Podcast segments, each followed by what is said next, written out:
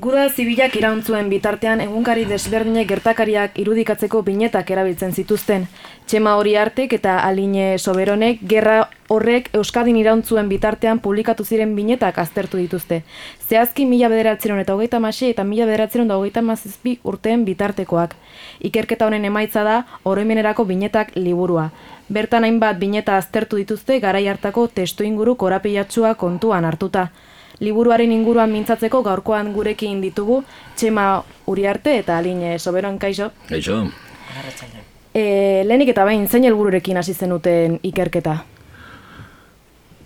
Bueno, pues hasi keran guri deia zen e, historia kontatza. Bueno, hasi ginen, bueno, hemerotekan, bueno, biok historia gilea gara. Hmm. Orduan hemerotekan nahiko denbora eman genuen. Eta holan denbora pasatuta eta hori konturatu ginen, pues hori nahiko txobineta agertzen zirela. Eta bueno, historia gilea garen ez, pues, gure hasierako ideia zen historia kontatzea. Orduan gure ideia, pues, hori, pues, e, e, pues, irudiak, e, pues, zera dirazten duten ikusita, eta nola interpretatzen duten eta hori. Eta, pues, gure abia puntua izan zen hori. Pues, historia kontatuko dugu bineta hauen bidez. Baina gero...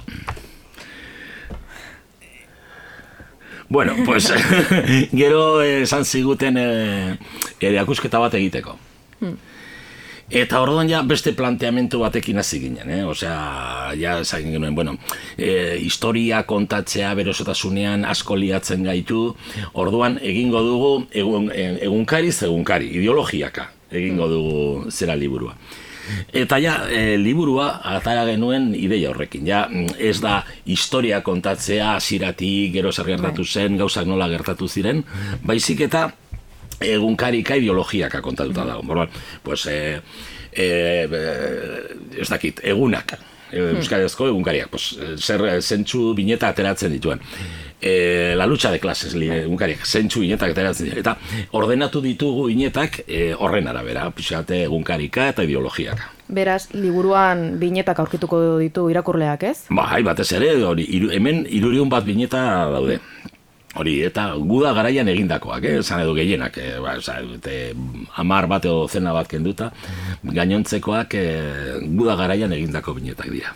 Eta ikerketan zehartzen bait oztopo topatu dituzue, nolakoak izan dira izan baldin baituzue? Ez, ez, oztopo askorik ez, e, baina ikerketa sakona izan da, ze egon gara urte bi, oza, garaiko egungariak begiratzen, eguneroko... E, egunkariak begiratzen hori e, ba, binetak e, aurkitzeko. Beraz, ba, bai, luzea izan da. E, baina, bueno, zaila, zaila, ba, bueno, lan izan da, ez?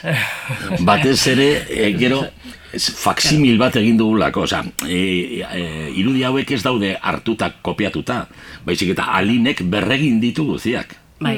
Horregatik, zailtasuna hundienan ikusten dut hori izan dela. Hmm. Osea, bueno, eta gero ere lan ere bai, ez, hartu ditu, zera, eta batzuk simple samarrak dira, baina beste batzuk dira oso komplexuak. Eta simpleak izan arren, beti errespatatu behar duzu egileen originala. originala. Bai. Osea, osea, ezin duzu mugidu linea edo marra edo, osea, igual, igual egin behar duzu. Beraz, bai, hau, bai, ba, bai, hori, da, gero, bai. Lan handia izan da. Irure eitzeko, ba. Bai, bai.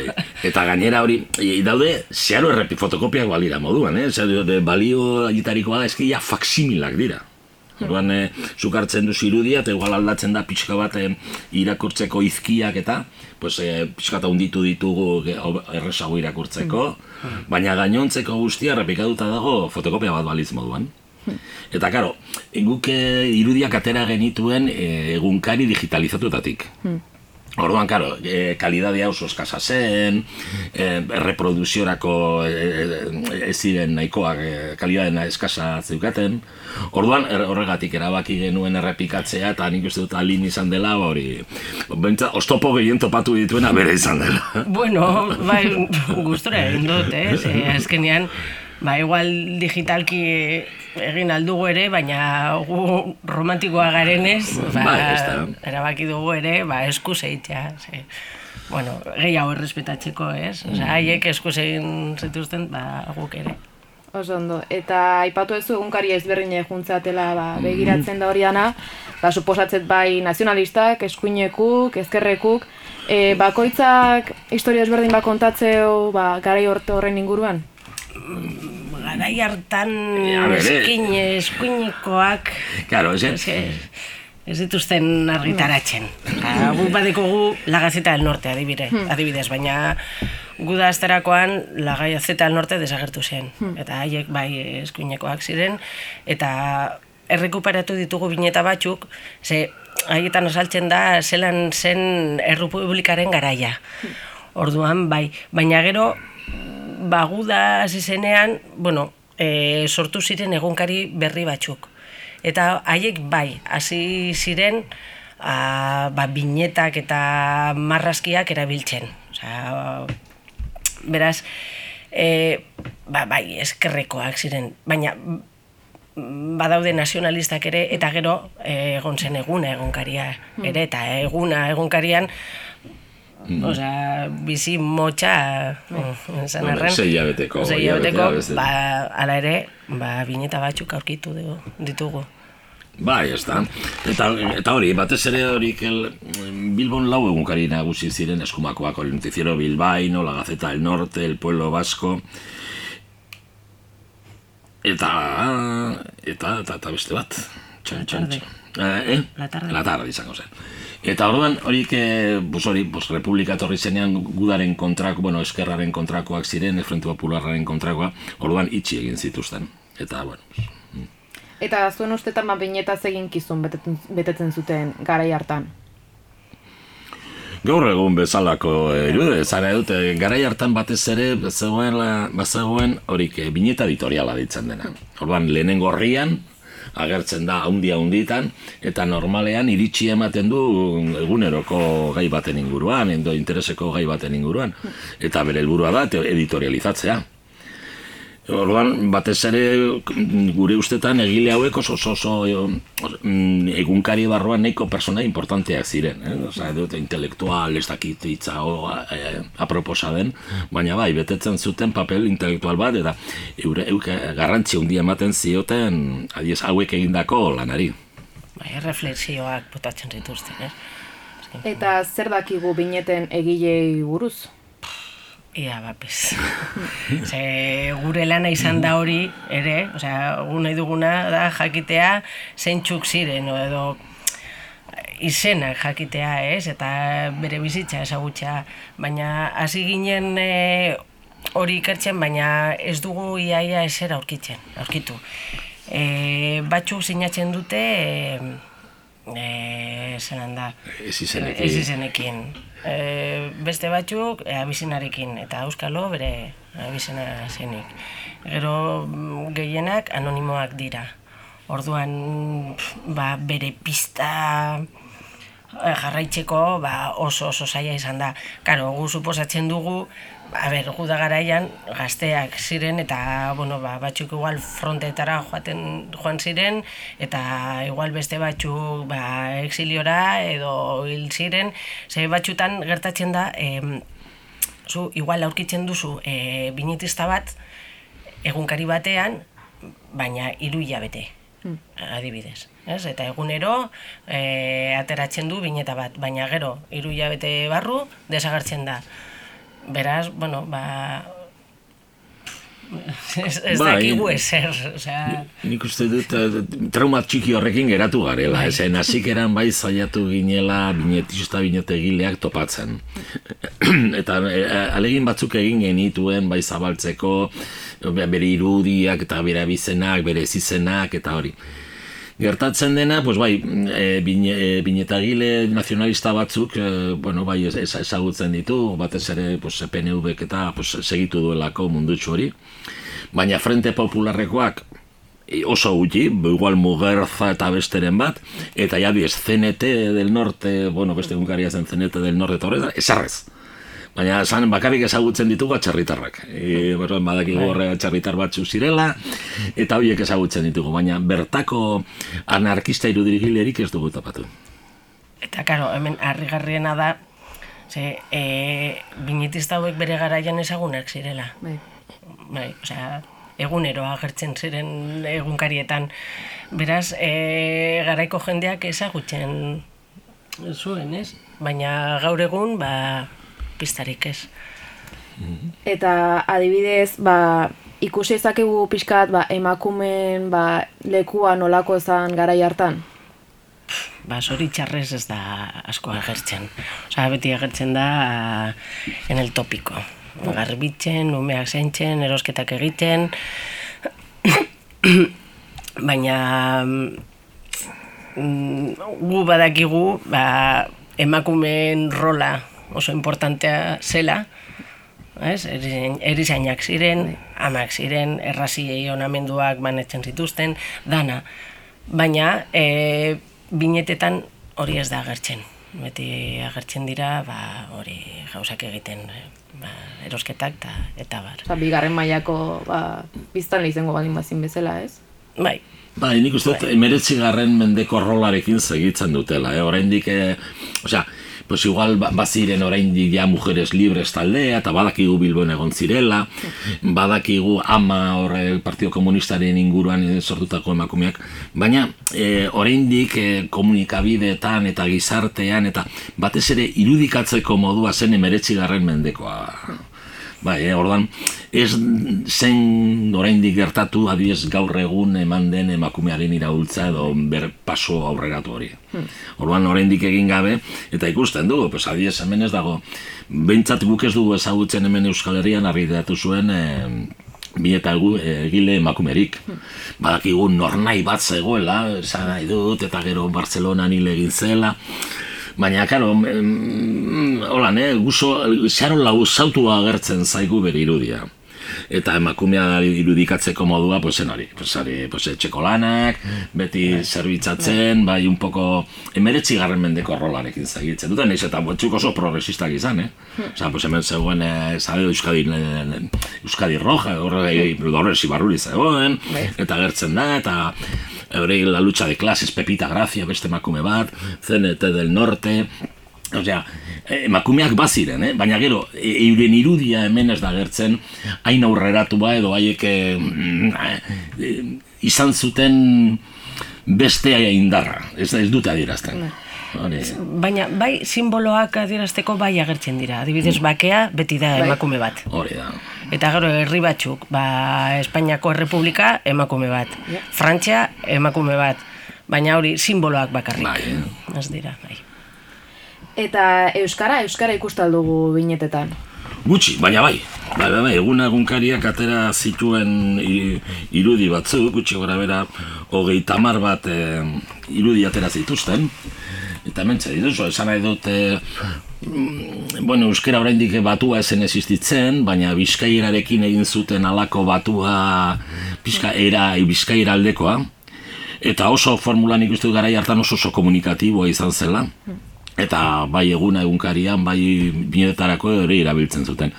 Dena den, eh, Euskadi eta eguna egunkariak leku berean eh, argitaratzen ziren, eta binetagileak ere eh, konpartitzen zituzten. Bai, orduan hauek berdin eh, marrasten zuten hemen edo eh, Euskadi egunkarian. Eta umoreare binetetan ibiltzen oso errekurtso erabilgarrile da. Umoreari buruz zeo zer esan dezakegu nolakoa zen garai hartako umorea. Jo, emagun garai hartan umorea egitea esen, esen erraza, ez? E, ba, gudan, ba, bueno, baina nik uste dut oso arma potentea dela, ez? E, umorea, umorearekin, ba, gauza sakonak eta importanteak azaldu alduzu.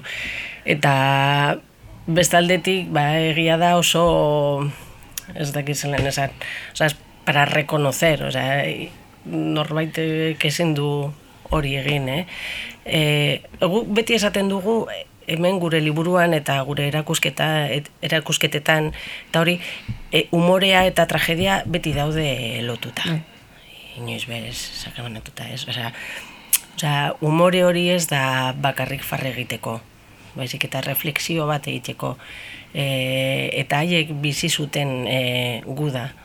Osea, gu orain irakurtzen dugu eta ja da ulertzen dugu, baina ipini bere, bere lekuan, ez? E, bueno, ba, bizitza hobe da humorearekin, ez? Nik uste dut. Eta gainera haiek argi- Ironia, mesedez. oso argi zeukaten euren helburua zela jendea animatzea. Orduan, horregatik nik uste dut beti daukatela inkluso ja guda bukatzen ari da haiek ja argi daukate galdu egingo dutela. Eta lata guztiz ere egitzen dute kein hori egiten txantxa simple hori egiten pixa bate e, nola zango nuke ironia hori erabiltzen dute Zen azken finan, e, bueno, pues, eh, gauzak txarto zijoa zenean eta pues, e, geratzen zitzaien arma bakarra zen hori. Humoria pixka bat eta jendeari ere adierazteko segitu behar du, eza ezin du gamore eman momentu honetan. Eta gure ustetan, eta egileak ere nahiko militantea ziren zentsu horretan, eh? hori, haien helburuetariko bat behintzat bazan, hori, eh, jende animoa, jendean animoa ematea, jendeari e, aurrera segitu, e, momentu txarra pasatzen ari gara, para, bueno, egin farre txiki bat eta aurrera segitu behar du. Hori zen gutxi gora bera, eta horregatik eh, presente dago, eh? Bai, eh, gehienetan, aldez, edo moldez, agertuko zaigu gino hori, besterik ez bada gino hori. Eta batxutan krudela, eh? zen eh, batzuk bombardaketaren ostean, eta hori oso zaila zen, eh, pff, ironia hori, gino hori topatzea. Eta gero beste gauza bat. Osea, gaur egun irakurtzen baditugu binetak, gure liburuan agertzen diren binetak, osea, informazio pilo bat emoten dute. Claro. Ez bakarrik, osea, a, zelan bentsatzen zuten e, haiek ez, eta gu hasi ginen egiten eta informazio berri bat e, aurki, aurkitu dugu binetetan. Historian kontatzen Historiari diguten. buruz, bai, bai, bai, eta zelan pentsatzen zuten, eta ez dakit, em, mm, ez, ez dakit zelan esan, Igual maneras de pensar edo... Bai, Sakonen geratu zin gauza hoietako batzuk agian ez zirenak Z- Zeintzuk ziren zurrumurruak, kaleko zurrumurruak. Bai. Osea, gu historia orokorra era, ezagutzen dugu, ez? Bataiak eta eta hori. Baina jendeko kaleetako zurrumurroa zeintzuk ziren. Osea, jendei zer zer zeukan buruan. Bai, ez da berdin momentu batean agertzen da, zera batean, e, alako zen eta del norte egunkarian agertzen da, zera bat, eta agertzen da gizon bat e, itxu bat eska, eskale, ez da? Eta hordan e, e, bertako bieta egileak esan du, eta horretarako egin dugu iraultza, eskale ibiltzeko. Ordan, haiek, karo, guk hemen ez daukagu kontzientziarik iraultza bat egon zenik, baina zeneteko jendearen txat, eto PC-ko jendearen txat, iraultza bat egon zen. Barcelonan edo Madrilen gertatu zen bezala. Ordan, e, hori, karo, e, guk, karo, hemen PNV-rekin, eta pues, pensatzen, ba, hemen esen, baina haiek kontzientzia, eta ez da posible, iraultza bat egin ostean, alako mendigoak eskaleak kalean egotea. Eta adibidez hori salatzen zuten. Bai, ordan, bai eta gero konturatu gara zenbat zekiten munduaren gainean, zen hor agertuko zaigo losude, ez Mantxuriako, uda Eritreako, uda Alemaniako, ez egoera, Frantziako egoera. Ba, zekiten ez zegoen internetik, ez zegoen teletiporik oraindik, ez zegoen iaia telefonorik. Eta bazekiten, eh? Bai. Orduan, e, batzutan bezaten du, bueno, oiek igual, pues, habien mundu txikian biziko ziren, inolaz ere ez, eh? Oso kosmopolita ziren pertsona horiek, nahiz eta Bilbon izan, eta ez ezagunak izan gaur egun. Izugarri kosmopolita ziren. Eta adibidez ja, ba, garai hartako binetak aztertuta aldaketak ikusi daitezke adibidez gaur egungo estiloaren estiloarekin konparauta edo humor aldetik eta berdintxo jarraitze du. Ba, nik uste aldea handia daudela. Osea, bertzuko igual honek arte, linek artistikoak esatugundo, nik adibidez. Momentu hartan, mm, binetagileak eh, sentitzen ziren kolektiboaren partaide. Hai, inolaz ere ziren sentitzen el punta de lanza bezala edo aintzindari bezala, ez? Haiek ziren horregatik batzuek eske ez dute ez da sinatu ere egiten. Bai, esan ez, hau da lan kolektibo bat edo artean egiten ari garen lan bat. Adiez gaur egun, vamos, ez badago sinatuta eta nola esaten da ISB Bai. eta guztiz da hori bai. Ez da eser ateratzen. Adibidez, haiek ez zuten horretan ere pentsatu egiten. Ba, ez, vamos, euretzat ez zen alakorik existitzen. Idea zen ideiak, eh, zen mundu urri hau aurrera ateratzea, lagunei la, laguntzea. Bueno, ez que ezberdin asko daude. Baina, eh, Claro, eh, esaterako bajatorria, haiek hasi ziren binetak egiten. eta gaur egun ba, beti aurki dezakegu ditzakegu binetak egunkari guztietan eta aldizkarietan ere. E, lehen basegoen adibidez Madrilen eta Bartzelonan sindikato de dibujantes. Hemen zegoen ezer. Bai. Eta Bueno, eta gero artistikoki, ba, bai ezberdinak daude. Adibidez, Bai. eh, lehen ze- zeuden bokadillo hauek, ez? Ba, Beti zeuden letrak, ba, azpian. E, mm, eta gero, ba, garaiak ezberdinak ziren ere. Bai, ezberdin asko daude, baina gero beste alde batetik, ba, gaurko, gaur egungo binetak, ba, jarraitzen dira lan berea egiten. Funtzio bera. Bai, Bai, fun- bai. bera. Igual az- artistikoki bai ezberdintasunak eh, izan zaitez, zitezkela, eh? Osa, pues, adibidez, hor- Teknikoki, Teknikoki, esan, bai, igual garai hartan, korronteak asko zehatzagoak ziren, pues, eh, Rusiatik etorritako sozia hori realismo sovietikoa, Europan eh, pues, eh, gertatzen ari ziren estilo berriak hori, pues, eta dena, eh, dena hori reflejatzen da, edo isla badu eh, zera hauetan. Adibidez gaur egun artistikoki nik uste dut adibidez ez dira oso aurreratuak. Nik uste dut geratu direla eh, alako logiko batean, realismo txiki simple batean. Momentu hartan gizartearekin konparatuta oso oso aurreratuta zeuden. Bueno, alinea arpi batekin gera da hori izan Bai, eske gaur egungo binetista batzuk oso potenteak dira ere. Ba, ba, bai. Pero bueno, bai. Eta, bueno, liburu azkain baita ere Gernika Lumoko barean, bakearen museoan ikusgai daukeu ba, zatitxo bat, ez? Bai, Bai, han egin dugu gure azken erakusketa. Eta, bueno, bada museoaren gaiarekin lotuta dago, bai. Horretarako, ba, hiru gela ezberdina ditu e, espazioa, beraz, e, azaltzen dugu eguneroko bizitza, gero monbardaketak eta nazioarteko egoera. Ba, nazioarteko egoera, ba, bueno, oso importantea da gerra zibila ulertzeko, ez? Eta mm, bai, bakeari buruz hitz egiten du ere. Ze haiek eh, bueno, nas, la Sociedad de Naciones nahi zuen hori eh, bakea mantentzea eta horretarako, ba, bueno, em, e, oso em, konzesio pilo bat egin zituzten.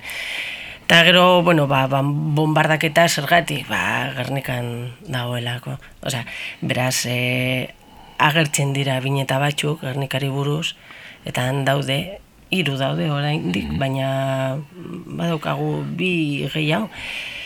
Eta gero, ba, eguneroko bizitza, ba, hori, ba, saltzeko zelan bizi zuten, zelan bizi zuen e, zituzten e, jendeak e, gara hartan. Eta ja da amaitzeko eta pixka eta refleksio gisa, zein da, zer izan da gehien harritu zaituztena ba, bide luze hon- honetan? zen binetak. E, ze, ze minetak edo eta ba, ze, zer berrik jaso dizue? Hombre, ni, ni personalki txartoen utzi nahuena izan da hori eh, egileak ez ezagutzea.